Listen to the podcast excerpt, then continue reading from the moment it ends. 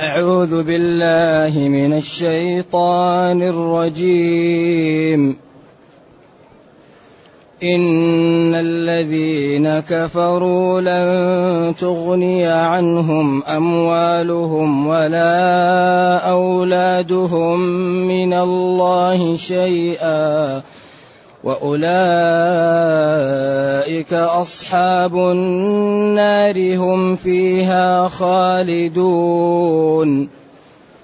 مثل ما ينفقون في هذه الحياة الدنيا كمثل ريح.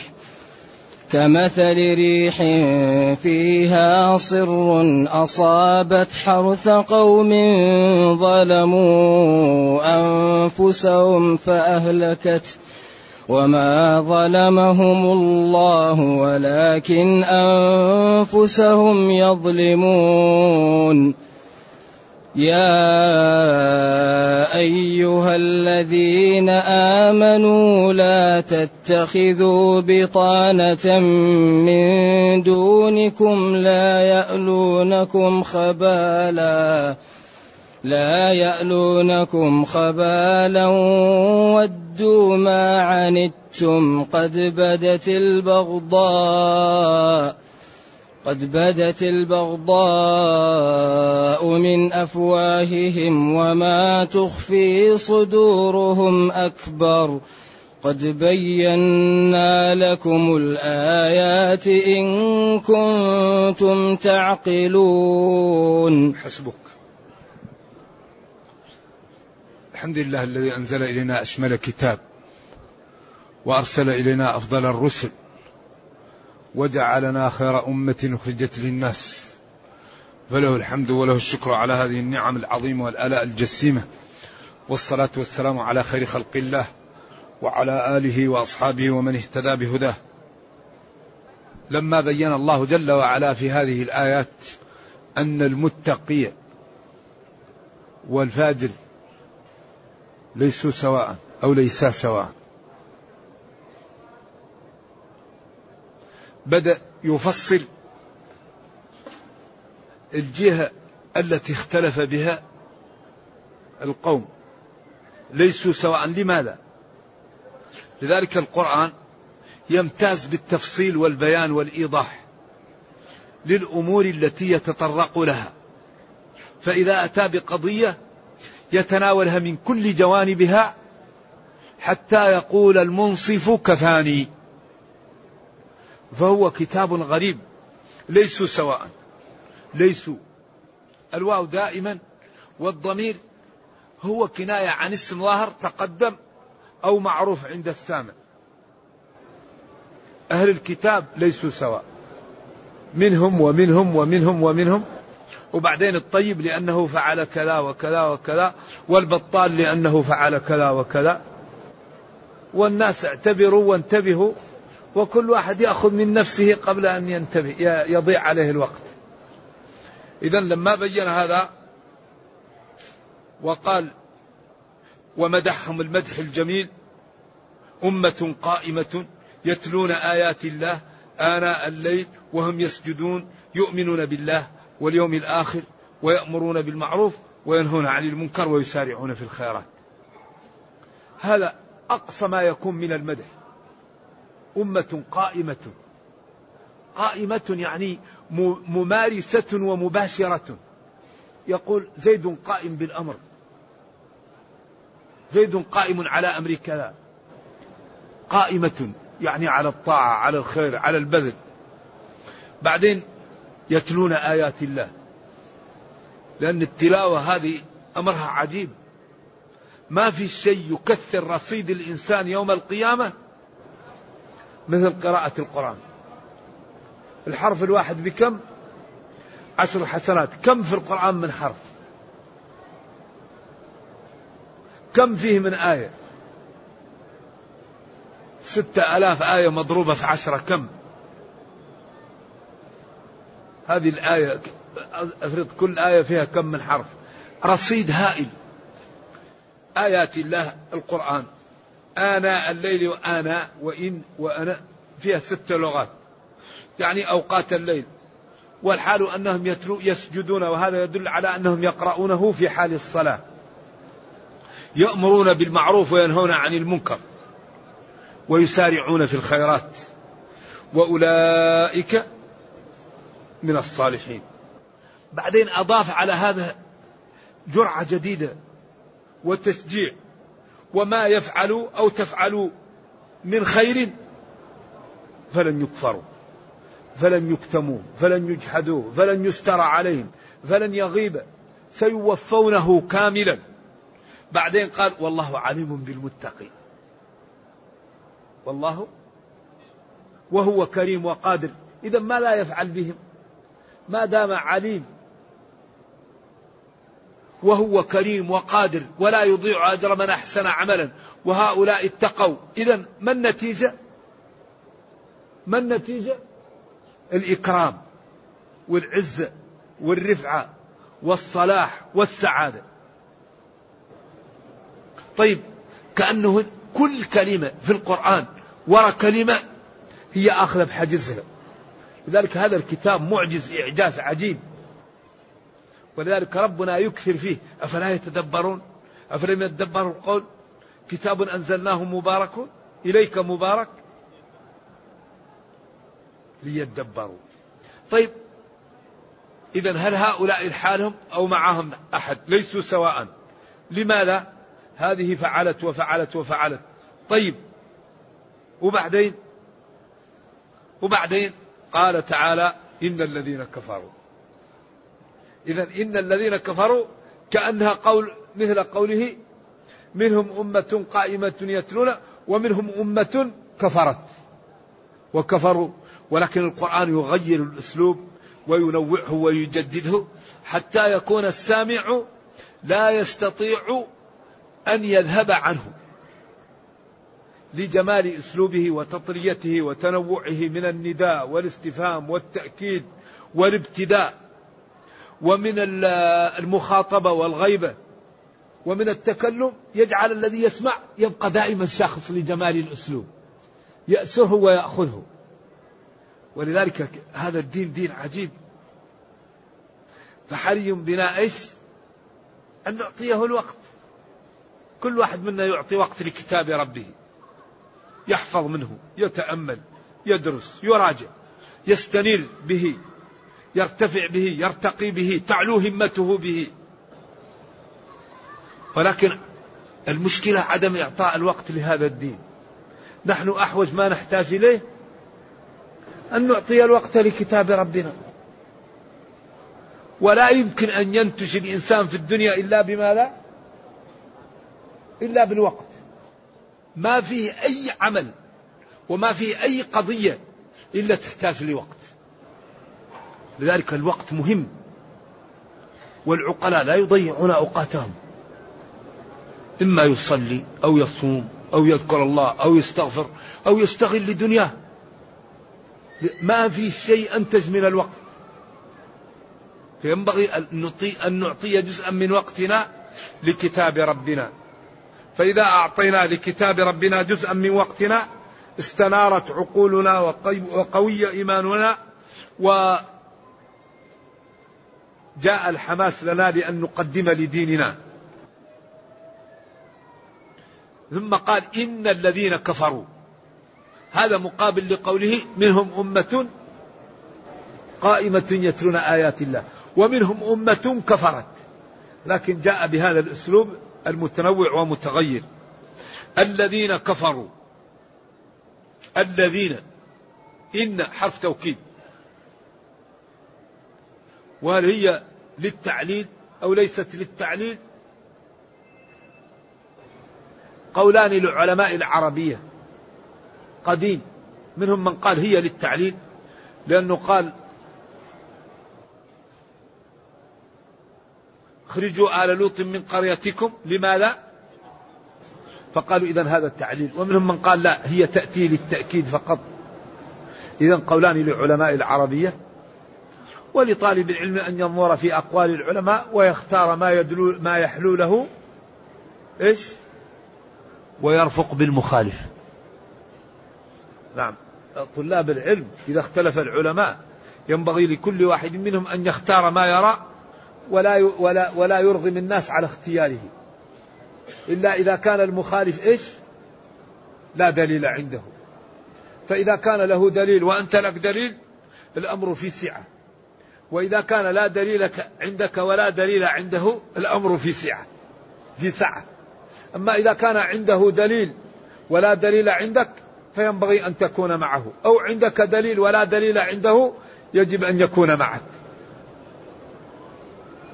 إذا القسمة رباعية. عندك دليل وعنده دليل. ما عندك دليل وما عنده دليل عندك دليل أو ما عنده دليل عند أحدكم. فإذا كان لا دليل الأمر في سعة. وإذا كان لكل واحد دليل الأمر في سعة. أو في سعة. وإذا كان لأحدكم دليل والآخر لا دليل له ينبغي للذي لا دليل له أن يتقي الله ويكون مع الدليل. ولذا هذا إذا تعودنا عليه ثمانين في المية من الخلافات تزول بيننا. ونعلم أن النصوص متحملة لماذا؟ للخلاف. وبعض الخلاف كله صحيح. لا يصلين أحد العصر إلا في بني قريظة. فبعض الصحابة فهم أن المقصود الإسراع. فقال هو أوجب علينا الصلاة وبين لنا وقتها وهذا الأمر بالإسراع. إذا نحن نصلي ونمشي. بعضهم قال لا هو الذي أتانا بالصلاة. وهو الذي أتانا بوجوبها وأمرنا بأن لا نصلي حتى نأتي. لو يأتي العشاء لا نصلي. فلم يعنف هذا على هذا.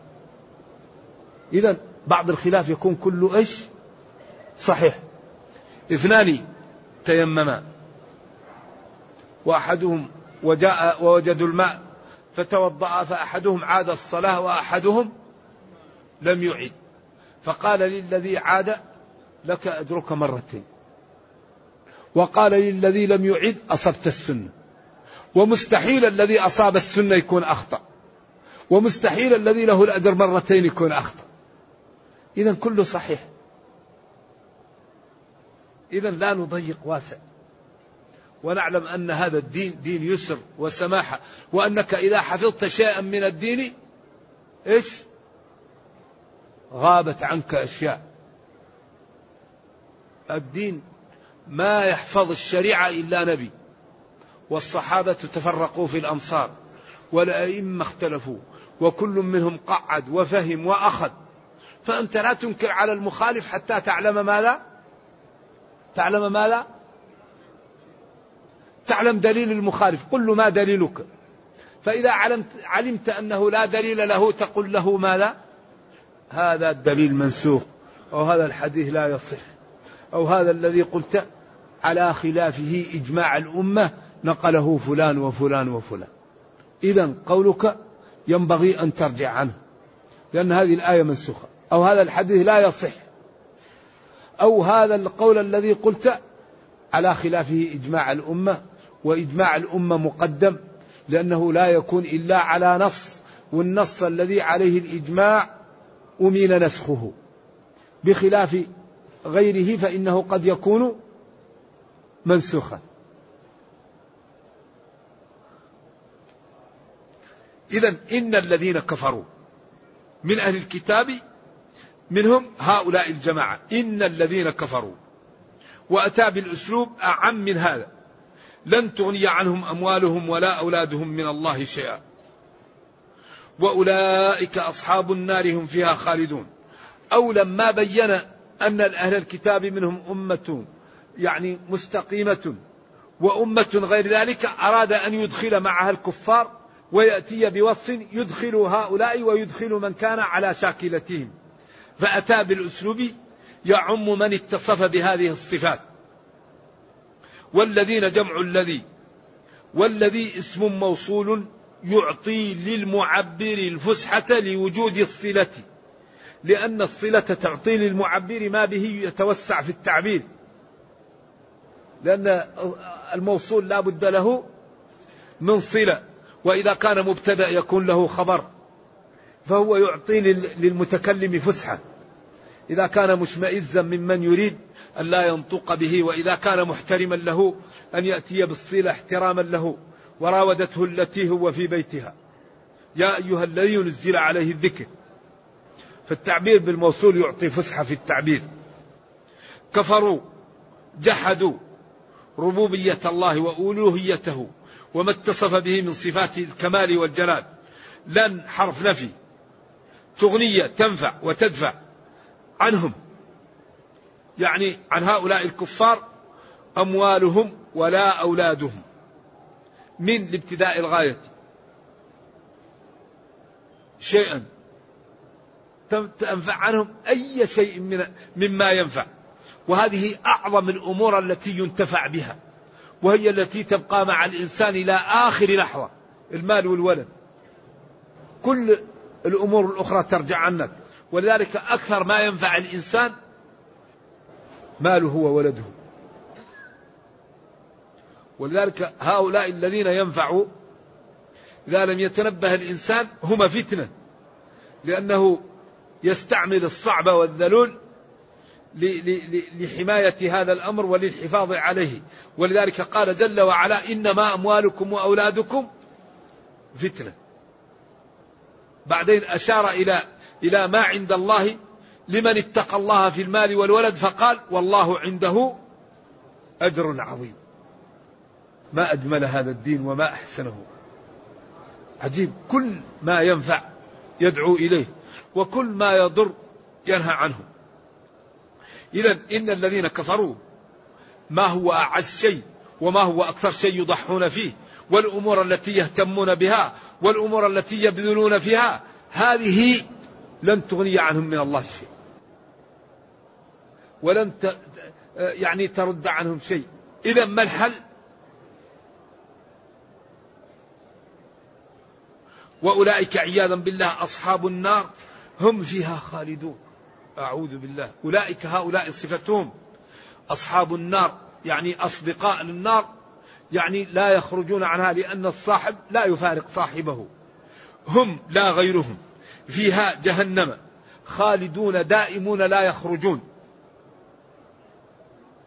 وهذا الإخبار قيل لنا في الدنيا لأن نتدارك الموقف. وليتدارك من سمع هذا ممن اتصف بهذه الصفة ليتوب قبل أن يفوت الأوان. إذا الله أخبرنا إن الذين كفروا أعز الأمور عليهم وأنفعها لهم. إذا جاء يوم القيامة لا يستفيدون منها ولا تغني عنهم شيء. إذا الحل أن الإنسان في الدنيا يهتم بالأمور التي تنفعه والتي تجدي له. ما الأمور التي تنفعنا يوم القيامة؟ نعم. أحسنت العمل الصالح. العمل الصالح يرفع. الكلم الطيب. والعمل الصالح يرفعه الكلم الطيب. الكلم الطيب إيش هو؟ لا إله إلا الله. العمل الصالح يرفعه الكلم الطيب. إذا لم يكن فيه الكلم الطيب العمل الصالح لا يرفع. إذا وقدمنا إلى ما عملوا من عمل. لكن العمل الصالح يرفعه الكلم الطيب وهو لا إله إلا الله. من قال لا إله إلا الله عمله الطيب يرفع ويكتب ويجد رصيد. أما الذي لا يقول الكلم الطيب العمل الصالح يأخذه في الدنيا ويجد كل شيء صفر. إذا أخطر شيء ما هو الكفر؟ الشرك. الشرك هذا مشكل. لذلك ينبغي للإنسان أن ينضوي تحت التوحيد. إذا انضوى تحت التوحيد الأمور الأخرى تتدارك. لكن المصيبة إذا أخذ إيمان الإنسان قبل أن يموت. هذه المشكلة إذا سلم من الإنسان الإيمان قبل أن يموت هذه هي الكارثة. فلذلك كان نبينا صلى الله عليه وسلم ما لا يقول اللهم يا مقلب القلوب ثبت قلبي على دينك. ثبت قلبي. ولذلك عند نقطة الصفر لعمه ماذا قال له قال له قل ما لا لا إله إلا الله. شوف ثبت قلبي على دينك. قل لا إله إلا الله. كلمة أحاج لك بها عند الله. فذلك ينبغي أن نهتم بإخلاص العبادة لله ونهتم بالتوحيد لأن الذي يوحد ربه إن شاء الله مآله للجنة. لكن المشكلة أن الإنسان لا ينتبه يتعلق بغير الله يدعو غير الله يخاف من غير الله يشرع تشريع غير تشريع الله. فيه فيه منافذ خطيرة جدا. ولذلك من أخطر ما تواجه الأمة الآن التعلق بغير الله. يعني الآن الله يقول وقال ربكم ادعوني أستجب لكم. وفي سورة النمل الله جعل إجابة المضطر مثل إيش؟ مثل خلق الجبال. قال من يجيب المضطر إذا دعا قل الحمد لله وسلام على عباده الذين اصطفى. آه الله خير أما تشركون. أما خلق السماوات والأرض وأنزل لكم من السماء ماء فأنبتنا به حدائق ذات بهجة. ما كان لكم أن تنبتوا شجرها. أإله مع الله. بل هم قوم يعدلون. أمن جعل الأرض قرارا وجعل خلالها أنهارا وجعل لها رواسي وجعل بين البحرين حاجزا. أإله مع الله؟ بل أكثرهم لا يعلمون. ثم قال أمن يجيب المضطر إذا دعا. هذا هو محل الشاهد. ويكشف السوء ويجعلكم خلفاء الأرض. أإله مع الله؟ ثم قال ماذا؟ قليلا ما تذكروا شوف شوف التعبير. شوف إتيان قليلا ما تذكرون بعد إجابة المضطر. لأنك لو تسأل أي واحد الآن من خلق الجبل؟ يقول لك الله. من خلق البحر؟ الله. من خلق الغابة؟ الله. لكن من يجيب المضطر لكل بلد أولياؤه؟ لكل بلد أولياؤه. في المشرق أولياء وفي المغرب أولياء وفي الجنوب أولياء وفي الشمال أولياء. أولياء يأتوهم وبعدين مشكلة. والله قال قليلا ما تذكرون. قليلا ما تذكرون. حيث تفرقون بين إجابة المضطر وبين خلق الجبال والكل حق خالص لمن؟ لله. ولذلك قال إذا سألت فاسأل الله. وقال ربكم ادعوني.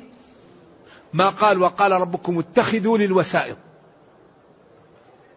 فلذلك هذه مشكلة ينبغي لنا أن نرفق بإخواننا وأن يكون لنا آلية قوية لإظهار الحق بالرفق. أولا نكرم الناس نلطف بها. نعلم أن المريض إذا أراد أن يعالج إما أن يوضع له الدواء في ماذا؟ في العسل. وإذا كان المرض قوي يحتاج إلى عملية نأتي بطبيب البنج ونعطيه بنج نخدره. حتى نزيل المرض ونخيطه ويستيقظ والمرض زال والبنج الإكرام والكلمة الطيبة ويعني الرفق به وإعطاء ما يحتاج إليه وإشعاره بمحبته وبأخوته هذا هو البنج ولذلك الله ما لا يقول؟ يقول ومثل كلمة طيبة. وضرب الله مثلا كلمة طيبة كشجرة. طيبة أصلها ثابت وفرعها في السماء تؤتي أكلها كل حين بإذن ربها ويضرب الله الأمثال للناس. ثم قال ومثل كلمة خبيثة كشجرة خبيثة. فنحن في حاجة ماسة إلى آلية قوية لإنقاذ إخواننا الذين يتعلقون بغير ربهم ويخافون من غير الله ويدعون غير الله. هؤلاء كثير منهم على خير ولكنه لم يفهم. فيحتاج أن يفهم خطورة الأمر وأن الله لا يقبل أن يدعى غيره. نعم. يقول جل وعلا لن تغني عنهم تنفع عنهم أموالهم ولا أولادهم من أي من الله أو تكون يعني لابتداء الغاية. تنفع عنهم مبتدئين بذلك أنها لن تنفع عنهم أي شيء مما ينفع. وأولئك هؤلاء الذين هذه صفتهم أصحاب النار. لا غيرهم. وهذا فيه قصر إضافي. هم لا غيرهم فيها أي في النار خالدون لا يخرجون منها. طبعا هنا لاحظوا أن كل جملة وراء جملة كأنها تسد منفذ لما بين هذا الطيبين قال طيبوا غيرهم. قال إن الذين كفروا. طيب هنا كأنه جاء سؤال. طيب وأعمالهم؟ وما قدموا؟ ولذا كل كلمة في القرآن إذا تأملت هي كأنها تجيب على سؤال أو ترد على اعتراض أو توضح شبهة موجودة. فترابط القرآن ترابط عجيب. طيب كأنه هنا يقول أيضا طيب وما عملوا؟ أين ما عملوا؟ وإنفاقهم أو بذلهم أو تضحيتهم فوضح هذا الذي كان في النفس فقال جل وعلا مثل ما ينفقون في هذه الحياة الدنيا كمثل ريح فيها سر أصابت حرث قوم ظلموا أنفسهم فأهلكته وما ظلمهم الله ولكن أنفسهم يظلمون. هذا كلام في غاية البلاغة والجمال والحسن ولذلك أدمج التشبيه فكأنه أصبح تشبيه تمثيلي وهنا يريد أن يبين أن هؤلاء لهم أعمال. وهذه الأعمال شبهها بزرع. ثم الكفر الذي اتصف بهم شبهه بريح حارة أو باردة جاءت للزرع وأحرقته. إذا هذه الريح التي جاءت للزرع وأمحقته قبل أن يصل إلى الأوان جعلت الزرع لا فائدة فيه. وكأن ما في القلب من الكفر هو مثل ذلك الريح والعمل هو مثل الزرع. ويضرب الله الأمثال للناس والله بكل شيء عليم. لذلك هذا المثل يختصر الطريق. وقال وتلك الأمثال نضربها للناس وما يعقلها إلا العالمون. قال بعض السلف إذا قال الله مثلا ولم أفهمه فأندم على نفسي أني لست من العقلاء. لأنه قال وما يعقلها إلا العالمون. إذا مثل ما ينفقون في هذه الحياة الدنيا. كمثل ريح فيها سر أصابت حرث قوم ظلموا أنفسهم. وبعدين لاحظ قوله تعالى ظلموا أنفسهم. يعني لأن هذا جاء معترضا. يعني ليس في يتعلق بالمزرعة ولكن يتعلق بأشخاصهم هم وبما فيهم هم. فأهلكته. يعني محقت هذه الريح الحارة أو الباردة.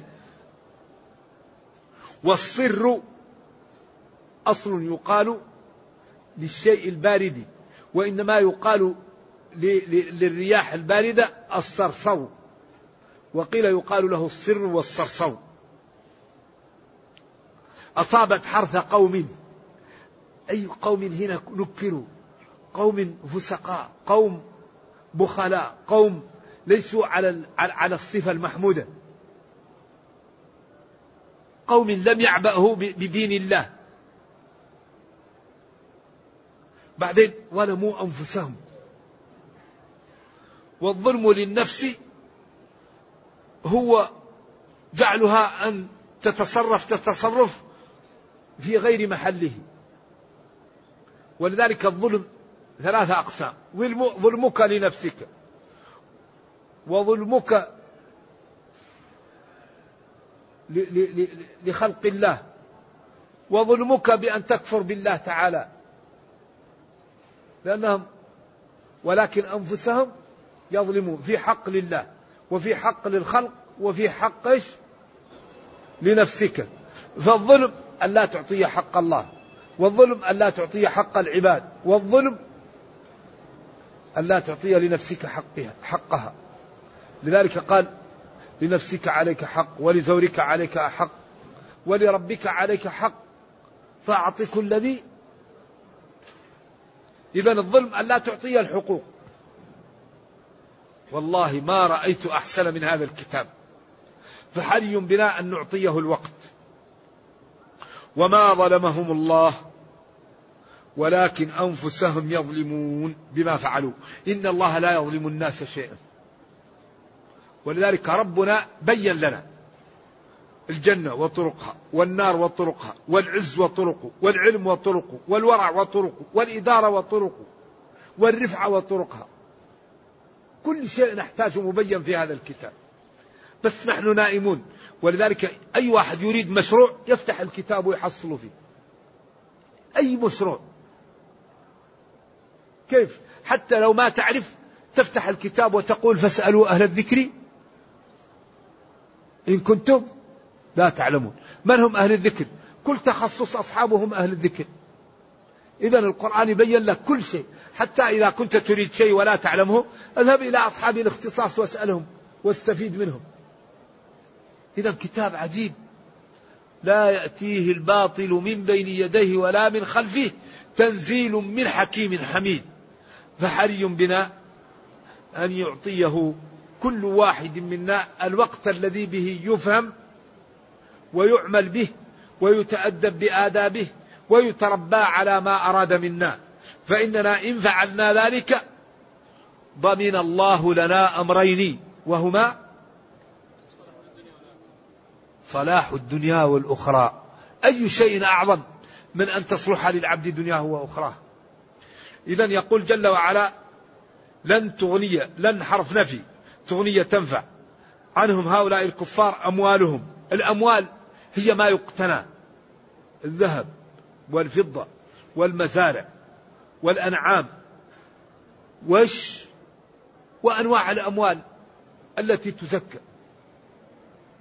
كل هذه يقال لها أموال والأولاد معروفة وأعز شيء في الدنيا المال والولد. زين للناس حب الشهوات يش والبنين وش؟ والقناطير المقنطرة. بعدين في نهاية المقطع قال قل أنبئكم بخير من ذلكم للذين اتقوا عند ربهم إيش؟ والله ما رأيت أحسن من هذا الكتاب.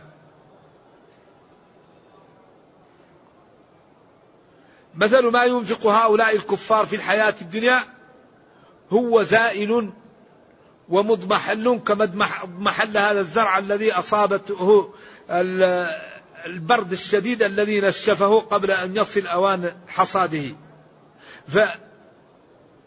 فظلموا أنفسهم بالكفر وبالطغيان فأهلكته تلك الريح وما ظلمهم الله بذلك الفعل ولكن كانوا أنفسهم يظلمون. إذا ما الحل؟ يا أيها الذين آمنوا من الأوس والخزرج ومن المهاجرين وممن معهم في المدينة. لا تتخذوا بطانة من دونكم. البطانة تقال لما يحط تحت الثوب أو يقال للثوب إذا كنت لابس ثوبين الأسفل منهم. البطانة هو الذي تجعله في الباطن. وهذا تعبير رائع.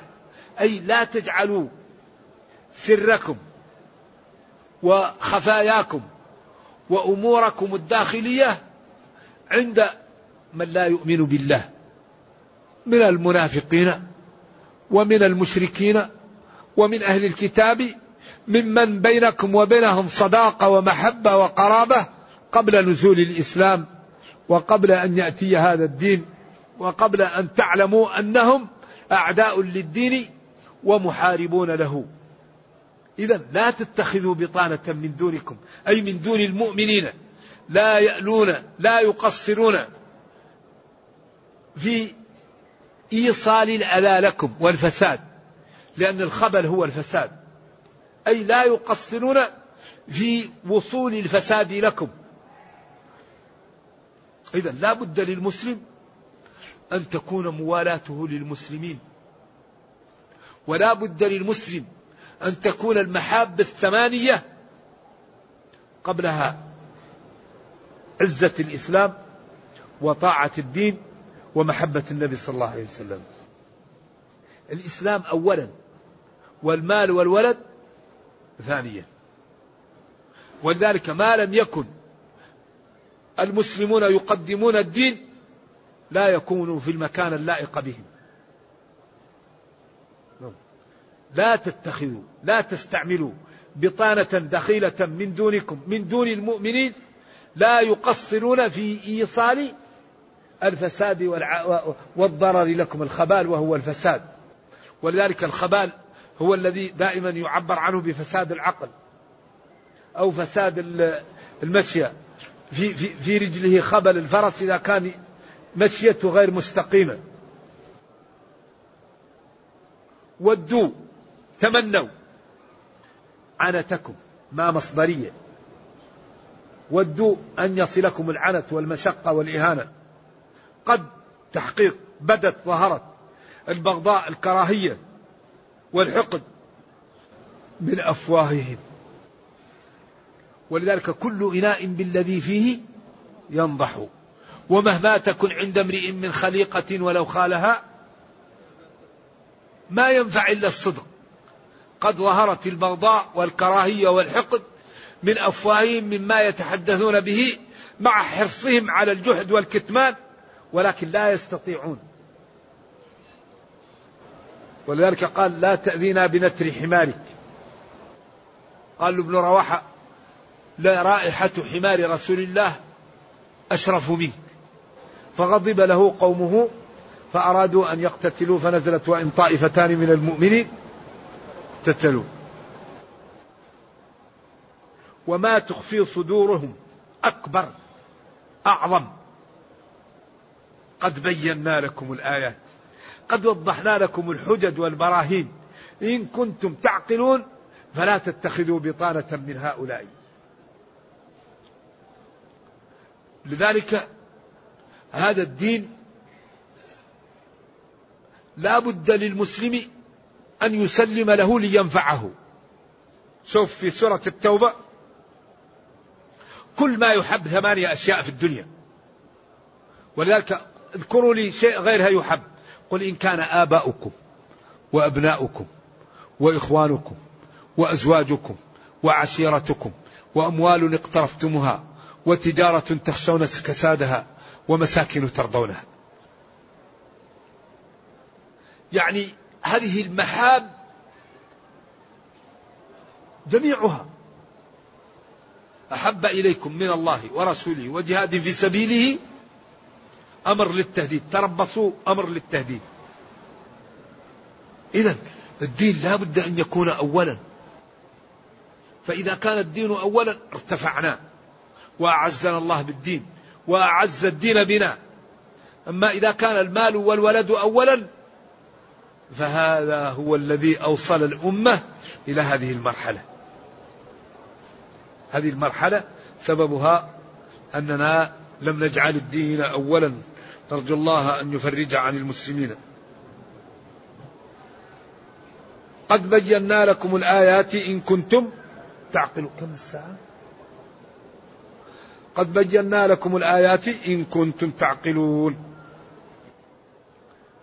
ها أنتم أولئك تحبونهم ولا يحبونكم وتؤمنون بالكتاب كله وإذا لقوكم قالوا آمنا وإذا خلوا عضوا عليكم الأنامل من الغيظ قل موتوا بغيظكم إن الله عليم بذات الصدور.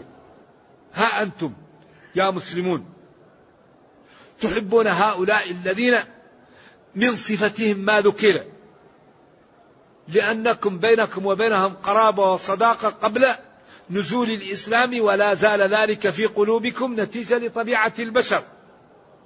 ولا يحبونكم لما في قلوبهم من الكفر والبعد عن الحق الذي سبب لهم كراهية من اتصف بتلك الصفات الحميدة. وتؤمنون بالكتاب كله. بالقرآن وبالتوراة وبالإنجيل وبالصحف لأنكم مؤمنون. وإذا لقوكم قالوا آمنا هؤلاء الكذبة وهم المنافقون. وإذا خلوا عنكم عضوا عليكم الأنامل من الغيظ. وإذا خلوا ولم يكن معهم أحد يعني أخذ طرف إصبعه وجعله بين أسنانه وشدها. وهذا تعبير عن الألم الذي يكون في القلب لأن عض الصبع وتقلب الأيدين والتأفه والصياح هذه أمور تخفف ما يكون في القلب من الألم. وهي يصدرها الإنسان عفويا. وهو تعبير عن شدة ما يلاقونه في أنفسهم من الكراهية للمسلمين. قل لهم يا نبيي موتوا بغيظكم. دعاء عليهم وزيادة في التحس التحس التحسير عليهم والتبكيت. إن الله جل وعلا عليم بذات الصدور فلا يخفى عليه خافية. وهو قادر فناصر أولياءه وهازم أعداءه إن سار أولياءه على ما رسم منهم وإن لم يتب أعداؤه. وهذا الحقيقة بيان واضح. نرجو الله جل وعلا أن يرينا الحق حقا ويرزقنا اتباعه وأن يرينا الباطل باطلا ويرزقنا اجتنابه وأن لا يجعل الأمر ملتبسا علينا فنضل. اللهم إنا نسألك الجنة ونعوذ بك من النار. ونسألك أن تجعلنا من أهل القرآن الذين هم أهلك وخاصتك وأولياؤك وأن تجعلنا ممن عمل بالقرآن فقاده إلى الجنة. إنك خير مسؤول والقادر على ذلك. وصلى الله وسلم وبارك على نبينا محمد وعلى آله وصحبه والسلام عليكم ورحمة الله وبركاته.